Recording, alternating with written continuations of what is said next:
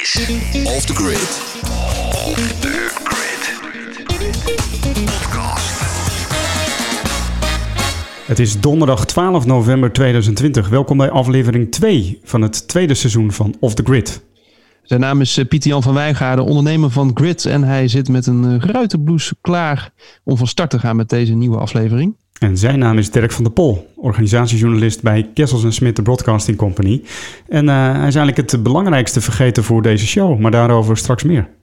Ja, en eh, in dit tweede seizoen van Off the Grid gaan we op zoek naar de werkplek van de toekomst. Hoe richten wij straks na corona onze werkplek in? The Grid. Off the Grid. Podcast. Met deze week Deze aflevering eh, staat de vraag centraal: waarom gaan we in vredesnaam naar kantoor? Ergens in de 20e eeuw is het idee ontstaan dat we als bedrijf allemaal op hetzelfde moment op hetzelfde kantoor moeten zijn. En inmiddels is het eh, voor veel werk niet meer van belang. Maar waarom willen we dan toch nog massaal naar kantoor? Aan het einde van deze aflevering eh, krijg je een werkplektip, dat is deze keer een boek. En straks brengen we het laatste nieuws over werken bij de locaties van Grid. En ook uit de media. podcast. Podcast. Met Van Wijngaarden en Van der Pol. Pieter Jan en Dirk. Maar eh, we beginnen met eh, proeven. Elke aflevering van dit seizoen eh, proeven we iets dat ons werken smaakvoller opmaakt. En de vorige keer hadden we koffie. En deze keer eh, geheel in de herfststijl. Bokbier. Ja, ik maak hem vast open. Ja, ga ik ook doen, Dirk. Ja. Maar eh, eh, aanvankelijk wilden we iets anders proeven, hè? Ja, we wilden een, een heerlijke wijn gaan proeven. En ik ben er speciaal voor naar de Malibaan afgereisd gisteren, want dat moest gewoon. En eh, toen kwam mijn vriendin, eh, ja, die kwam langs. En ehm, ik zei, joh, kun jij dat ding ook even meenemen? En eh, zij nam die fles mee, maar die ligt nog in haar auto ergens, terwijl ze nu op haar werk is. Dus ja, we moesten even een alternatief verzinnen. En dat is Ja. natuurlijk bokbier geworden, want het is herfst. Ik heb overigens één keer een bierfestival meegemaakt op de Malibaan. Eh gingen we allemaal verschillende biertjes drinken. En daar was toen Oh, ja? ook volgens mij bokbier bij. Zou ik nog eens even aan Arjan de Hoog moeten vragen. Volgens mij was hij een van de organisatoren. En ook Nina van Kessels en Smit, onze collega, Ja, was ook ja. een van de organisatoren. Eh, bokbier, dat is eh, van origine Duits. Nou, we eerst maar eens even een eh, slok nemen. We drinken brand eh, dubbel bok. Cheers, Dirk. Cheers, Pieter Jan. Ik ben benieuwd. Wat, wat ruiken we?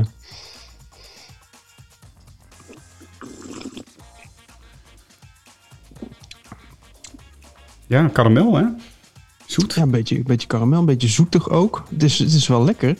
Misschien ook wel leuk om, om, om te vertellen over hoe dubbel bokbier dan weer ontstaan is. Dan eh, moeten we terug naar de 17e eeuw.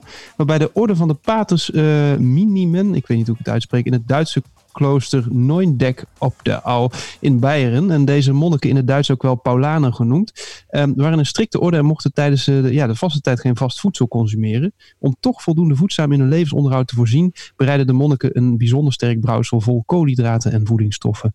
En eh, dit brouwsel was de voorloper, eh, Pieter van het dubbelbokbier. Ze gaven het de naam Salvator, redder. Ook Ja, dat eh, bestaat nog steeds, geloof ik, Salvatore, ook als uh. En de brand dubbelbok eh, staat bekend, überhaupt de dubbelbok, niet alleen van brand. Ehm, dat wordt zo genoemd omdat het dubbel lang gerijpt is. Daardoor is het wat zwaarder. Ehm, het komt overigens van Eindbecker bier. Zeg maar, daar, daar komt het woord bok vandaan. Bek, bok, bok, Einbockischer bier. Dus ehm, dat is eh, vervolgens zeg maar in het eh, de gewone spraakgebruik is dat, eh, is dat gewoon bokbier geworden. Ik, vind, ik ben wel fan van bokbier. Ik vind, ik vind deze ook wel heel lekker. En ik, ik moet je heel eerlijk bekennen, ik heb een fase gehad dat ik geen bokbier kon zien. Dat was in mijn tijd dat ik voetbalde met vrienden op zaterdag. En we waren heel goed in de derde helft. En Zo. Ik ben een keer zo stom dronken geworden van, van een herfstbok. Dat ik eh, denk echt twee jaar lang geen herfstbok meer gedronken heb. Omdat ik gewoon misselijk werd van de geur alleen Het al. kan er echt inslaan, hè? Ja. Heb, Ja. heb jij dat wel gehad toen op dat bierfestival waar je net over vertelde? Nou, nee, ik, eh, ik, eh, ik heb me voorgenomen maar niet dronken te worden op de Malibaan. Maar eh, zeg maar, eh, ook in de tijd dat ik basketbalde, inderdaad, in studententijd, eh, is me wel eens gebeurd dat ik flink wat eh, biertjes, er was toen met name tarwebok, Van Ah, Heineken. Ja, ja, ja. eh, achterover sloeg. was natuurlijk super zoet. En eh, die combinatie met suiker en alcohol, ja, dan eh, op een gegeven moment eh, gaat het wel hard, ja. Ja, dan kan je het niet meer dunken, denk ik. Sowieso niet, nee. Off the Grid. In de wandelgangen. De wandelgangen. Hey, voordat we verder ingaan op de vraag waarom gaan we in vredesnaam naar kantoor, eh, nemen we de nieuwtjes door uit de wandelgangen van onze grid-locaties en ook uit de media. Eh, Dirk, wij waren gisteren samen op eh, Malibaan 45 en jij was afgelopen maandag nog op Bloemenheuvel. Dan was je wat aan het klooien met de webinarapparatuur volgens mij. Ja, dat klopt, want die draden, dat is echt een zoortje af en toe, Pieter Jan. En binnenkort moet ik er een opnemen, dus het zou fijn zijn, maar dat spreken we straks wel even af, als je me dan even kunt helpen om wat orde in de chaos te creëren. Dus dat lijkt me sowieso fijn. En inderdaad, gisteren waren wij natuurlijk even op Malibaan 45 en hadden we een soort working apart together moment. En dat was eigenlijk best wel gezellig, hè? Ik, ik ontdekte zowaar dat jij fan bent van Rihanna, joh. Nou, fan, dat wil ik niet zeggen, maar ik vind het wel lekkere muziek om bij te werken inderdaad. We zaten eerst samen de bushalte en toen uh, in Malizicht altijd leuk. En ik zag ook de gemberthee weer uh, op de bar staan. Uh, de R is in de maand, dus uh, dat vind ik wel een mooie nieuwe gewoonte eigenlijk. dat dan op Bloemheuvel en Malibaan ook gemberthee, gembertjes staan zeg maar, om lekker in de thee te doen. Dat is goed voor, goed voor de keel en natuurlijk goed voor de gezondheid. En als bezoeker is het nu mogelijk om, je, om zeg maar, een QR-code te scannen... en dan even je naam en telefoonnummer achter te laten voor eventueel contactonderzoek. Dat is gelukkig nog niet nodig geweest. Maar mochten er coronabesmettingen plaatsvinden... Uh, op uh, de locaties van Grid, dan uh, kunnen we de bezoekers ook goed achterhalen. Ja, en als je hem scant, dan wees gewaarschuwd. Want voordat je het weet heb je Pieter Jan uh, van Wijngaarden aan de telefoon hangen. Terwijl hij een blokwietje doet. um, ik heb even de social media in de gaten zitten houden. En uh, ik zie dat er leuke reacties binnenkomen op uh, Grid Ponthaven. In Amsterdam, wat natuurlijk gaat openen. Een mm -hmm. soft launch, zoals jij dat noemde. Um, ja, dus Marcel Collion die, die reageert verrassend en moedig in deze tijden. Maar met de ervaring en het succes van Malibaan 45 en Bloemenheuvel. Om ondanks corona toch veilig ruimte te blijven bieden aan ondernemen. Moet het gaan lukken. Heel veel succes succes. Uh, Joke van Grootveld reageert gefeliciteerd, wat stoer in deze tijd, heel veel succes. En Etienne uh, Olderman die reageert met mooi hoor, wordt vast weer een fotogenieke locatie. Uh, dus ja, ik kan concluderen hieruit dat jullie wel lef hebben en stoer zijn en het gewoon durven, Pieter Jan. Ja, dus, ik denk ook wel dat uh, als we uit de coronatijd zijn, dat er uh, meer behoefte is uh, dan ooit aan ons soort locaties. Dus dan kun je nu maar beter wat opstarten. En Amsterdam is natuurlijk een plek waar je moet zijn. En het is natuurlijk super als je gewoon kunt zeggen van wij zitten in Utrecht, Driebergen en Amsterdam. En nou, we hopen ook nog op andere plekken in Nederland wat te gaan openen. Maar heel tof dat nu de kans Amsterdam zich voordoet. Nou, het proosten nogmaals daarop met het herfstbokje. En niet zo, niet zo snel drinken, joh. Je gaat wel rap, vind ik. ja. Je slaat hem gewoon achterover, joh. en je had nog iets over wandelen, Pieter Jan? Ja, klopt. Ja. Ik uh, las uh, gisteren in de krant, volgens mij het Algemeen Dagblad... dat um, uh, de helft van de werkenden het een goed idee vindt om tijdens de werkdag ook te gaan wandelen. En ehm, er wordt dus ook gevraagd om een ja, vaste wandeltijd... of wandelen als vast onderdeel van de werkdag... En uh, veel werknemers willen dus dat er ruimte wordt gemaakt voor een wandeling tijdens de werkdag. Uit onderzoek blijkt ook dat het gewoon heel goed is. Uh, af en toe een blokje om is goed voor lichaam uh, en geest. En nou, bij, bij, bij dat onderzoek, dat is geïnitieerd door de Zorg van de Zaak, netwerk, maar ook de Koninklijke Wandelbond Nederland. En er is een app gelanceerd, maar ik probeerde die te vinden, maar dat lukte me niet. Een, de wandelapp van de Koninklijke Wandelbond Nederland, die kun je dus helpen om zeg maar dus de Wandelen Werkt app schijnt dat te zijn, maar ik kon hem dus niet vinden. En uh, die laat werknemers in acht weken meer wandelen door informatieopdrachten, podcasts en video's aan te bieden. Dus wie weet kun je via die app ook wel of de grid luisteren. Al moet ik zeggen dat ik het juist fijn vind als ik wandel om even niks aan mijn hoofd te hebben. En gewoon ook een beetje de vogeltjes te horen en de eentjes te horen kwaken. En uh, af en toe eens een, uh, een kind te horen spelen, dat soort dingen. Ja, nee, dat uh, ben ik helemaal met je eens. Ik vind het ook weer zo vrij dat er dan per se een app voor moet worden gelanceerd. Terwijl je ook gewoon kunt zeggen, zoals bij Bever, van, uh, dat, of ik weet niet of het Bever is, maar dat je gewoon één stap naar buiten zet en dan ben je al buiten. En dan begin je.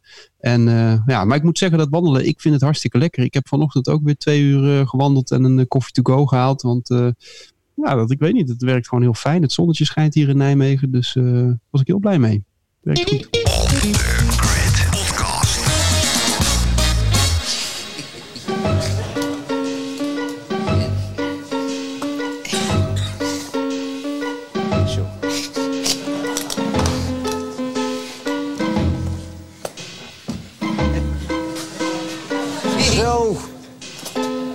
Deze morgen, Edgar. Goeiemorgens, Jos.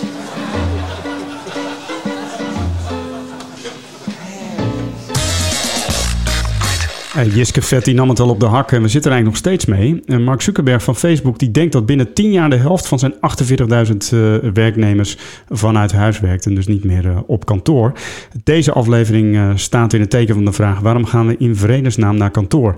En deze vraag was de kop boven een artikel in het Financieel Dagblad van 12 oktober 2020 dit jaar. Ehm, en dat artikel dat, ging over het Amerikaanse-Nederlandse softwareplatform JetLab. En zij werken wereldwijd met 1300 mensen, allemaal op afstand. En een kantoor heeft het bedrijf eigenlijk nooit gehad. Ja, maar laten we eerst beginnen. Waar, waar zijn überhaupt de grondbeginselen van het kantoor ontstaan? Nou, het kantoor is een, nog relatief jong fenomeen. Voor de industriële revolutie werkten ambachtslieden vaak vanuit huis en winkeliers boven een winkeltje. En uh, de broers en bankiers John en Francis Baring, die leefden en werkten in uh, Mincing, Mincing Lane in Londen. Ik weet niet of ik het goed uitspreek trouwens. Um, waar zij hun financiële imperium opbouwden. En de Rothschilds uh, die woonden ook om de hoek in deze wijk nog steeds het zakenhart van Londen, verrees in 1829 het hoofdkantoor van de Britse Oost-Indische Compagnie. Nou, en wat grappig is dat het administratieve werk voor de handelsmaatschappij volgens de 17-jarige klerk en uh, schrijver Charles Lamb oerzaai was. Dus toen waren de kantoren eigenlijk al uh, oerzaai. Ja, toen al. Ja. En, en je weet niet wat het is elke dag de bedompte lucht tussen vier muren te moeten inademen. Dat schreef hij aan ja, zijn... Uh, klinkt als een gemiddeld ministerie. ja, ja, kijk uit, Pieter Jan, want er zitten ook opdrachtgevers bij die dat luisteren. Uh, maar uh, de kantoren in die tijd, waar honderden mensen in uh, open ruimtes uh, naast elkaar werken, hebben veel weg van fabriekshallen zonder machines. Ja, en nu hebben we vooral te maken met ja, kantoortuinen. Ja, dat is dan weer een, wat, een concept wat wat later is ontstaan.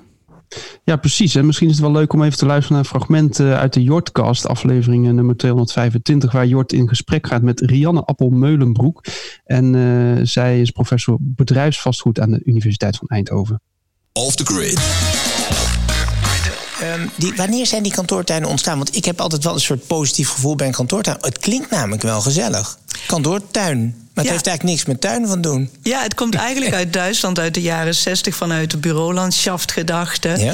Uh, met de, meer democratie en minder hiërarchie in ja. het kantoor. Dat we allemaal een beetje gelijk zijn. Mm -hmm. En daarom kwamen toen ook hele ja, grote open kantoortuinen.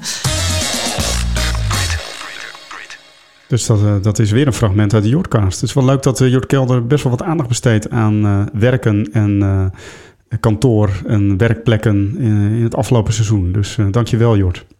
Ja, dankjewel Jort. En voor onze luisteraars, ja, je ontdekt dan ook wel dat we natuurlijk misschien een klein beetje Jort-fan zijn. In ieder geval de Jort-cast enorm kunnen waarderen. Um, maar ja, je refereerde net al aan, Pieter Jan, die, die kantoortuin. Of kantoortuin, ik bedoel het artikel van JitLab, dat Amerikaans-Nederlandse softwareplatform. ja, dat werkt dus met 1300 mensen, allemaal op afstand.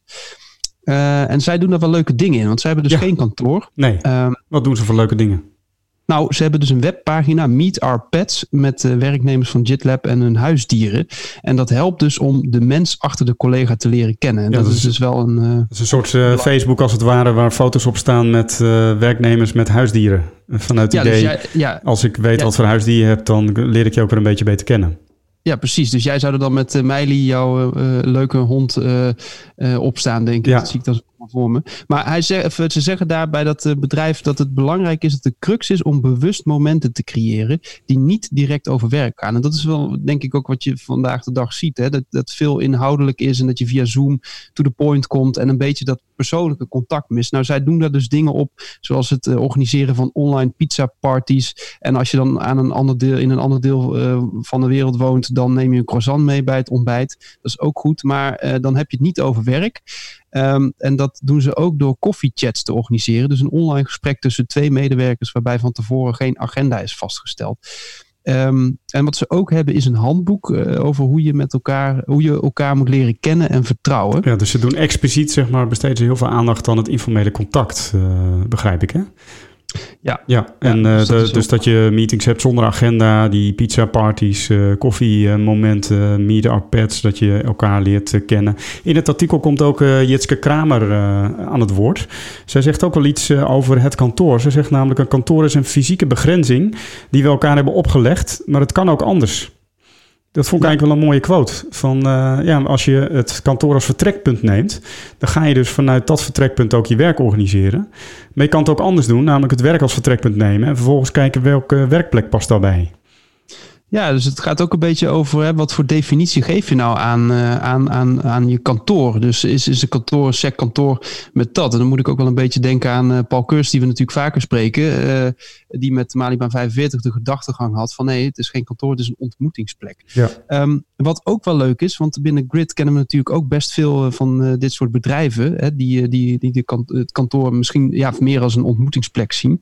En ik sprak even met Niels Hagenaars van Gupta Strategist. En het is misschien wel leuk om daar even naar te luisteren, Pieter Jan. Strategist. Strategist. Jezus, wat is dat? Ja, strategist. Strategist. Oké, komt-ie. Um, via Zoom spreek ik met Niels Hagenaars van Gupta Strategist. En Gupta Strategist uh, is een onafhankelijk adviesbureau voor organisaties in de zorgsector in binnen- en buitenland. En uit complexe vraagstukken destilleren zij praktische oplossingen of innovatieve ideeën. En uh, ja, Gupta is ook uh, bewoner op Grid Bloemenheuvel. En ja, Niels, jij, jij werkt dus bij Gupta. Maar allereerst, ik was een beetje wat research naar jou aan het doen, want ik zag zo'n mooi profiel op jullie website. Ik zag dat jij farmacie gestudeerd hebt aan de Universiteit van Utrecht en gepromoveerd bent op een onderzoek naar griepvaccins. Dus al, om daar maar eens even te beginnen, volgens mij volg je dan het nieuws wel op de voet als het gaat over het coronavaccin, of niet? hoi Dirk, ja, nou, ik, kan niet anders zeggen dat ik dat zeker doe. Misschien ook wel omdat ik als achtergrond uh, farmaceut, uh, opgeleid ben tot farmaceut of apotheker en, uh, en gepromoveerd ben in de griepvaccin. Ehm, maar ook gewoon omdat mijn werk ook heel veel met de zorg en alle impact die het op, op de zorg heeft wat er met corona gebeurt. En we allemaal ook wel uitkijken naar een, naar een, een werkend vaccin wat ons van deze misère wegbrengt, zeg maar. Ja, precies. En, en daarmee vertel je ook al een beetje over wat jullie bij Gupta doen. Hè? Jullie geven strategisch advies in de zorgsector en jij bent een van de strategists. Um, wat, wat zie ik jou dan in het dagelijks werk, zou ik haast willen zeggen, doen? Ja, dus, dus, dus Gupta is een strategisch adviesbureau. We richten ons 100% op de zorg. En onze opdrachtgevers, ehm, dat zijn partijen vanuit het hele spectrum van de zorg. Denk aan de overheid, denk aan ziekenhuizen, denk aan ouderenzorginstellingen, GGZ-instellingen, verzekeraars, uh, investeerders, uh, farmaceutische bedrijven, medische technologiebedrijven. Allemaal partijen die in de zorg actief zijn. Mm-hmm. En die hebben gewoon regelmatig te maken met complexe vraagstukken, strategische keuzes die ze moeten maken. waar wij dan als externe experts op dat gebied bij worden gevraagd om ze daarin te ondersteunen. Ja. Nou ja, en als voorbeeld, hè, we, hebben het, we zitten nu midden in die coronatijd. Er gebeuren nu een heleboel dingen in Nederland die heel veel impact hebben op alle onderdelen van de zorg. En uh, daar moeten heel snel en, en, en, en acuut zeg maar, keuzes gemaakt worden in hoe zo'n organisatie daarmee omgaat. Ja, en dat, dat betekent dat wij daar dan uh, een rol in kunnen spelen. En, ja, ontzettend leuk werk, heel gevarieerd, afwisselend en ehm, ja, ik vind het ook heel mooi om in de zorg ook proberen iets bij te dragen aan, aan dat de zorg goed, goed blijft en beter wordt. Ja, cool. En dat is vanuit ook je combinatie met je wetenschappelijke achtergrond kun je dus strategisch mooi bijdragen aan complexe vraagstukken. Zeker, ja. ja. Hey, en voor het, ja, voor het tweede seizoen van Off the Grid zijn Pieter Jan en ik dus bezig met een onderzoek naar de werkplek van de toekomst. En in deze aflevering stellen we ons ja, de vraag waarom we in vredesnaam naar kantoor gaan. En uh, volgens mij hebben jullie vanuit Gupta daar wel een visie op. Hè? Want uh, jullie werken in principe altijd al zonder kantoor. Ja, laten we dan maar eens beginnen. Wat is eigenlijk jullie definitie van een kantoor? Ja, uh, misschien een hele lastige vraag voor iemand, iemand als ik. ik, ik jij vertelde net dat ik ooit gepromoveerd ben aan de universiteit. Daar had je dan inderdaad een lab en een kantoor. En dan ging je dan ook naar dezelfde plek toe. En dan dronk koffie om kwart over tien. En weet je, van dat soort dingen dat zie ik nu een beetje als een kantoor. En toen ben ik in 2009 eh, bij Gupta gaan werken. En toen, ja, toen kreeg ik een laptoptas en een auto.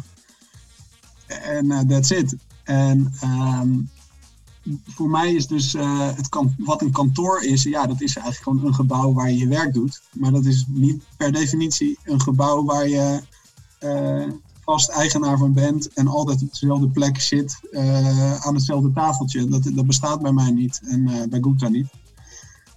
Dus ja, voor ons is kantoor wel iets wat, wat gewoon onderdeel is van ons werk. Hè. We zitten veel bij klanten, zoals ik net uitlegde. Dus we werken, behalve even de laatste coronaperiode, werken we eigenlijk altijd bij klanten. Um, uh, tenzij je niet klantgebonden werk aan het doen bent of iets, iets even achter de scherm moet doen. En dan huren we vaak locaties af of dan komen we op een plek werken waar we wel samen kunnen komen. Ja. Um, maar uh, dat is dan vaak zoiets als, dat is een plek als Grieten. Ja, En uh, dat is eigenlijk ook wel, als je dat zo zegt, wel echt een omslag van het laboratorium. En zo, zo, ik zie dat al helemaal voor me in je witte jas met een kop koffie erbij. En dan nu zo'n flexibele plek waar je dan ja, gebruik van maakt. Ja. Wat, wat, wat betekent dat ook voor jullie manier van samenwerken dan?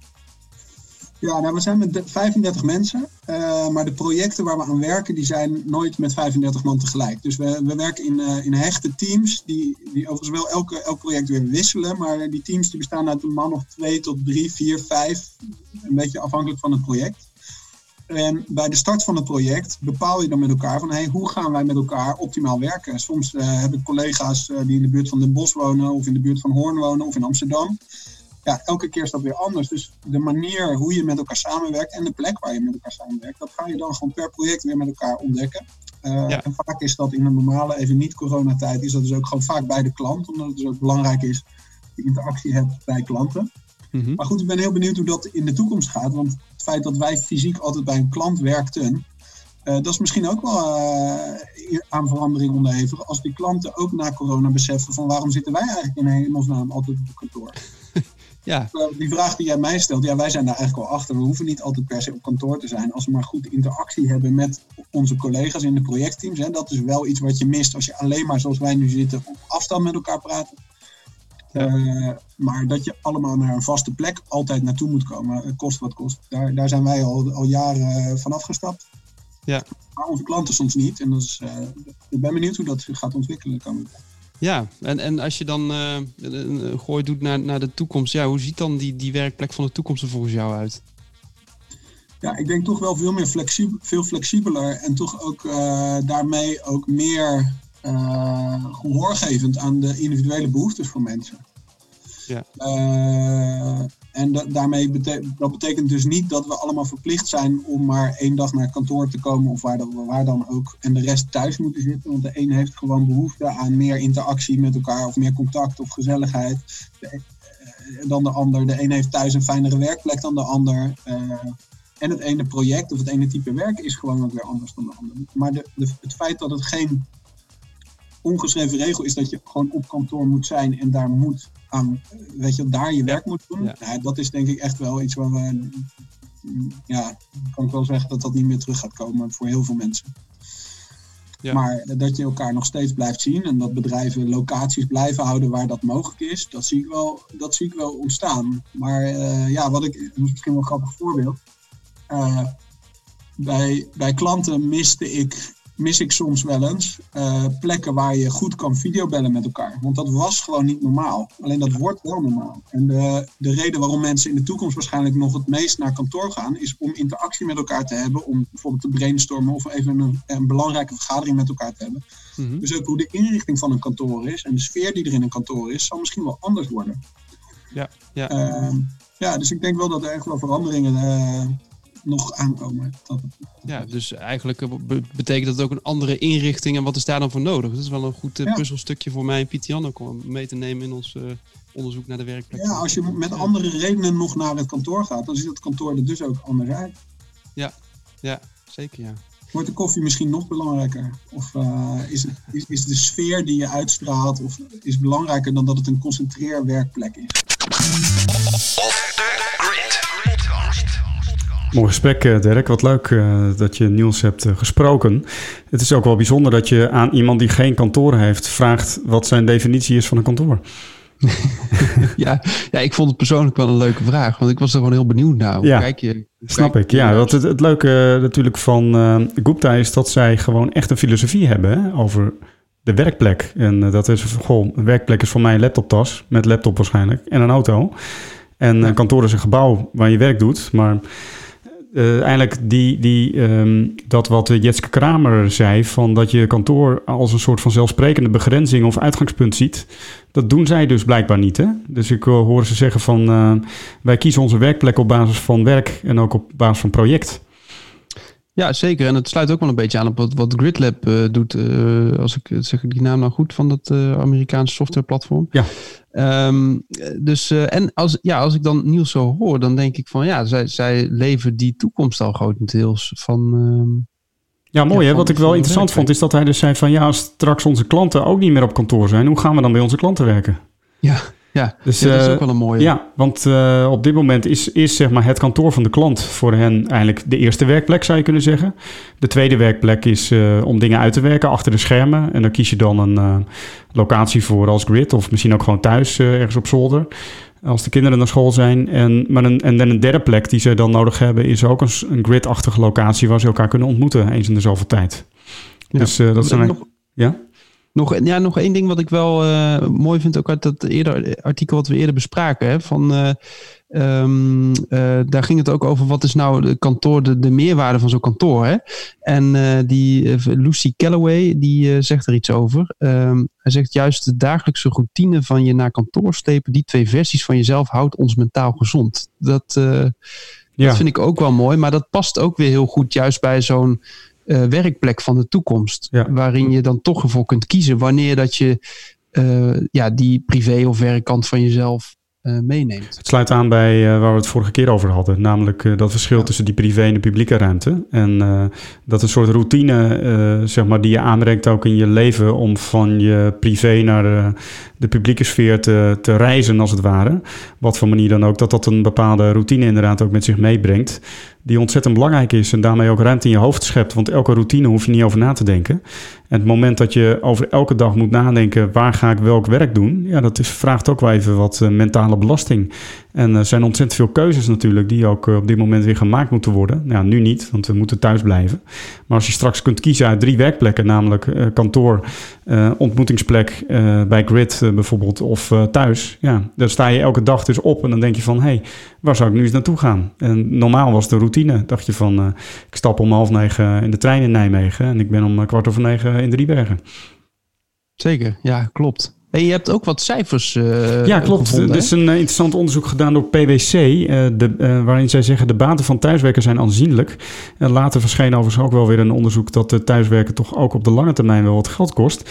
Maar laat ik even vertellen waar het over gaat. Um, want uh, PwC heeft berekend dat als iedereen die thuis kan werken na COVID uh, één dag vanuit huis werkt, gaat het ten opzichte van de situatie voor COVID, uh, zal dat de samenleving zo'n 4 miljard euro opleveren. En die kostenbesparing zit vooral bij werkgevers en werknemers, maar ook in de samenleving als geheel, omdat bijvoorbeeld uitstoot van CO2 daalt met 606 kiloton. Um, dat uh, blijkt dus uit dat uh, onderzoek, dat is getiteld uh, The Costs and the Benefits of Working from Home. En ze hebben ook gezien dat ongeveer de helft van Nederland thuis kan werken. En ehm, de kosten, die zijn er dus ook op de lange termijn mogelijk zo'n anderhalf miljard per jaar. Die, die komen met name voort uit minder betrokkenheid, een slechtere samenwerking en daardoor ook minder innovatie en een hoger ziekteverzuim. Dus dat is blijkbaar ook een reden waarom we naar kantoor gaan. Hmm, interessant. Ja. Terwijl ik dan zou denken van ja, het is ook maar net hoe je het, hoe je het uh, afspreekt met elkaar en inricht. Dus blijkbaar eh, een groep daar lukt dat wel. Uh, Hè, omdat, uh, ja, ik kan me voorstellen dat dat eh, onderzoek, zeg maar, uh, zeg maar, als je uitgaat van thuiswerken zoals ze dat nu doen, en dat dat echt veel sociaal kapitaal kost, zeg maar, ook in de betrokkenheid en de slechtere samenwerking. En dus ik denk dat het ook van belang is dat er een soort balans in komt. En dat je natuurlijk elkaar ook gewoon af en toe wel ziet. Um, en daar, ik begreep ook bijvoorbeeld dat vanuit Eindhoven de Brainporter verschillende mensen zijn, mensen van Philips bijvoorbeeld, die echt pleiten voor uh, ook weer bij elkaar komen. Omdat zij zien dat er gewoon minder ideeën komen en dat er minder innovatie ontstaat. Ja, ja, dus uh, we kunnen eigenlijk concluderen, we hebben zo'n ontmoetingsplek nodig om in ieder geval uh, met elkaar te kunnen brainwaven en dat soort dingen. En tegelijkertijd dat je ook de flexibiliteit hebt, dus niet meer de strikte kantoortijden, maar dat je zelf kunt kiezen wanneer je kiest voor de thuiswerkplek, je ontmoetingsplek en privé thuis zijn. Ja, als ik het even moet samenvatten, dan, dan denk ik van waarom gaan we in vredesnaam kan, naar kantoor? Dat is volgens mij voor ontmoeting en interactie. En dat leidt, dat leidt weer tot eh, creativiteit en uh, ook nieuwe ideeën. Maar dus ook een bepaalde routine. Dus dat je zeg maar elke dag uh, gewoon niet altijd hoeft na te denken, wat doe ik, waar ga ik naartoe? Dus een bepaalde routine in je week of in je dag zou ook kunnen helpen op het moment dat je misschien niet altijd meer naar kantoor gaat. Maar uh, laten we eens naar de toekomst kijken, Dirk. Uh, want misschien is niet corona, maar wel iets anders veel belangrijker voor hoe de toekomst van onze werkplek uh, eruit ziet. Je had een interessant rapport daarover gevonden. Ja, dat klopt. En dat sluit eigenlijk ook wel een beetje aan wat, wat Niels op het laatst zei. En dat artikel dat is ja, van Cushman Wakefield. Dat is een wereldwijde vastgoedadviseur. En een partner daarvan, Jan Verhaag, die schreef daar een artikel over. Hij zegt, demografie bepaalt de toekomst van het kantoor. Demografie? En demografie, ja. En uh, hij zegt daarover, ik, uh, ik heb even wat, uh, wat tekstfragmenten geselecteerd. Ehm, hij zegt, meer dan de vraag of mensen teruggaan naar kantoor, moeten bedrijven vooral antwoord geven op de vraag wanneer en voor wat wil mijn toekomstige workforce naar kantoor. COVID-19 zal zonder twijfel ook op de lange termijn van thuiswerken een blijver maken. Maar massaal thuis kunnen werken maakt niet dat medewerkers dat ook massaal willen. Zoals blijkt uit het wereldwijde onderzoek van Cushman en Wakefield is wat voor de ene generatie geldt niet automatisch de norm of het uitgangspunt van een andere generatie. Dus dat is ook een belangrijk aspect. Hè? Dus uh, hoe zit dat met de verschillende generaties die uh, mm -hmm. op bepaalde manieren willen werken, wat ja. prettig is. Um, uh, even kijken, internationaal adviseur Cushman Wakefield stelt dan ook dat het profiel van de toekomstige populatie medewerkers in een organisatie de bepalende factor wordt voor de functie van en de behoefte aan het gebruik van het kantoor. Hiermee transformeert kantoorgebruik in hoog tempo van een vastgoedvraagstuk, veelal op basis van de vaste pre-COVID-19 werkpleknormen opgelegd door de werkgever, naar een organisatievraagstuk, waarin de work, workforce zelf de kantoorbehoeften en de invulling hiervan bepaalt. En dit dwingt de werkgever tot het centraal stellen van goed werkgeverschap bij het vaststellen van de toekomstige huisvestingsstrategie. Oh, dus ook daar eigenlijk het werk centraal stellen en, en ook de werkenden volgens mij. Hè? En ja. uh, daar had uh, Niels het ook al over, van het verschilt ook per stijl. Hè? Dus de een heeft veel meer uh, voorkeur voor een, een vaste werkplek dan de ander. Maar op basis van het werk wat je met elkaar doet, eigenlijk de werkplek vaststellen. En op basis daarvan eigenlijk ook met elkaar bepalen, gaan we naar kantoor, hoe vaak gaan we naar kantoor. Dat vraagt, ja. dus ook, vraagt natuurlijk ook autonomie van, van werknemers om daar zelf keuzes in te maken. En dat ja, zal uh, voor het management van grote bedrijven ook wel wat vragen. Want uh, dat is natuurlijk een, een doorbraak zeg maar, in de standaardisatie. Ja, zeker weten. En ja, nee, dat, dat, dat is helemaal zo. En ik denk ook dat het in feite, als je kijkt um, ja, naar die vraag die ze bij Koesman en Wakefield in dat rapport ook stellen, dat het gewoon gaat van, van waarom willen wij gebruik maken van een kantoor? En wat, wat zit daar dan achter? En als je vanuit daar gaat redeneren, dan kun je het ook weer anders inrichten, waar Niels het ook al een beetje over had. Dus ik vond het een leuk artikel.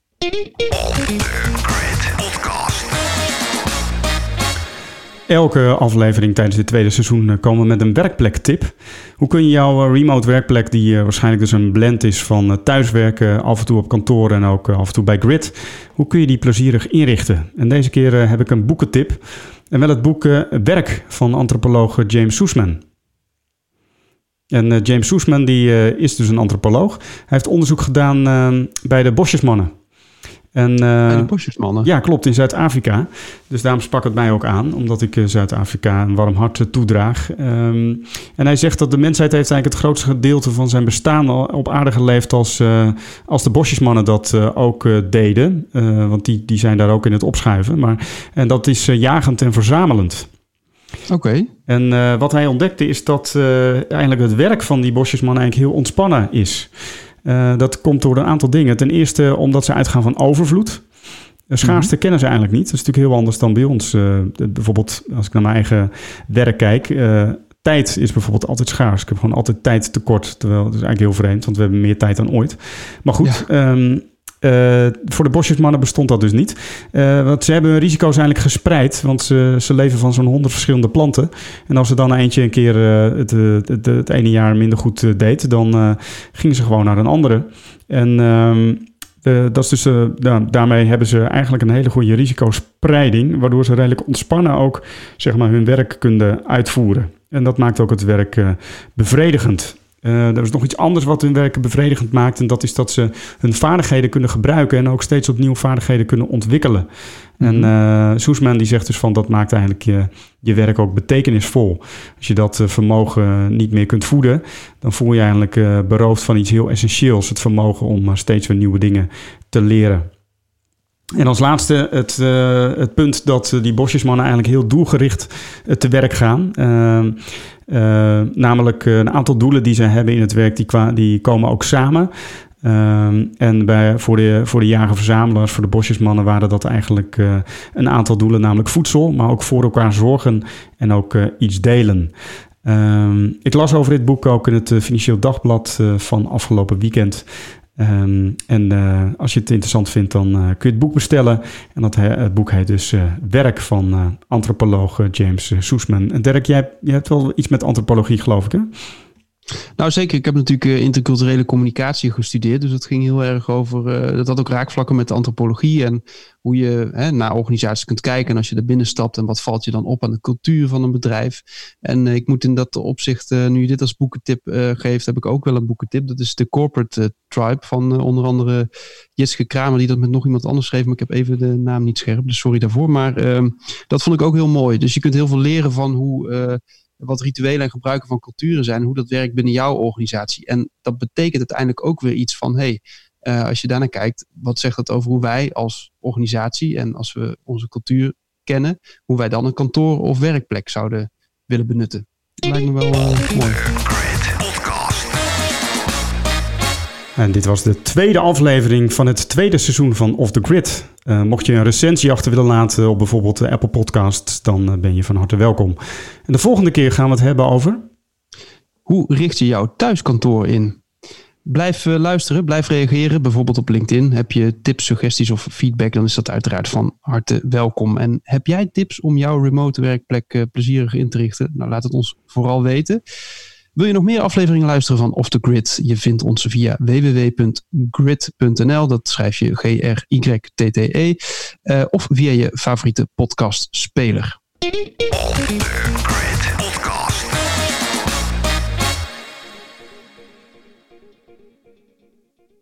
Heb je een biertje op, eh, Dirk? Nee, nog niet. Ik ook nog niet. Lekker hè?